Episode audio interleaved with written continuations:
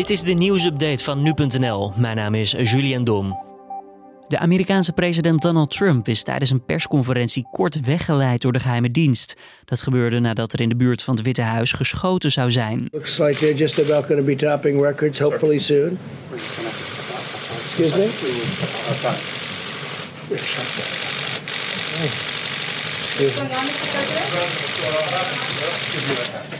Even later keerde Trump terug en gaf hij een korte verklaring. So thank you very much. Sorry for that. The, there was a shooting outside of the White House. Inmiddels is duidelijk dat een geheim agent en de schutter beide zijn overgebracht naar het ziekenhuis. Over hun toestand is nog niets bekend. Twee drenkelingen zijn maandagavond bij het strand van Nesselande in Rotterdam uit het water gehaald.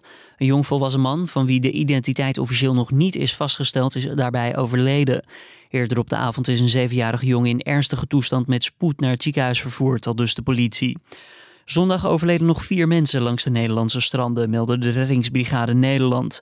Daarnaast haalden reddingsdiensten tientallen mensen uit zee.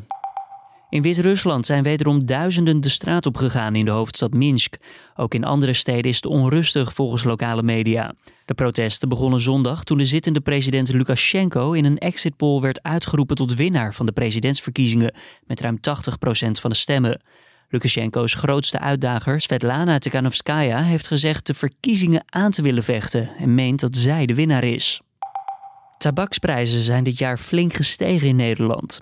In juli lag de prijs 19% hoger dan een jaar eerder, dat meldt het Centraal Bureau voor de Statistiek. De stijging is met name het gevolg van twee accijnsverhogingen eerder dit jaar. Zo werd in april de prijs van een pakje sigaretten met 1 euro verhoogd, nadat eerder dit jaar al een verhoging van 14 cent was toegepast. Voor komende januari staat een nieuwe verhoging van 12 cent gepland. Uiteindelijk moet de prijs van een pakje sigaretten in 2023 uitkomen op 10 euro. En kort dan de voetbaluitslagen. Gisteravond werd er gespeeld in de Europa League.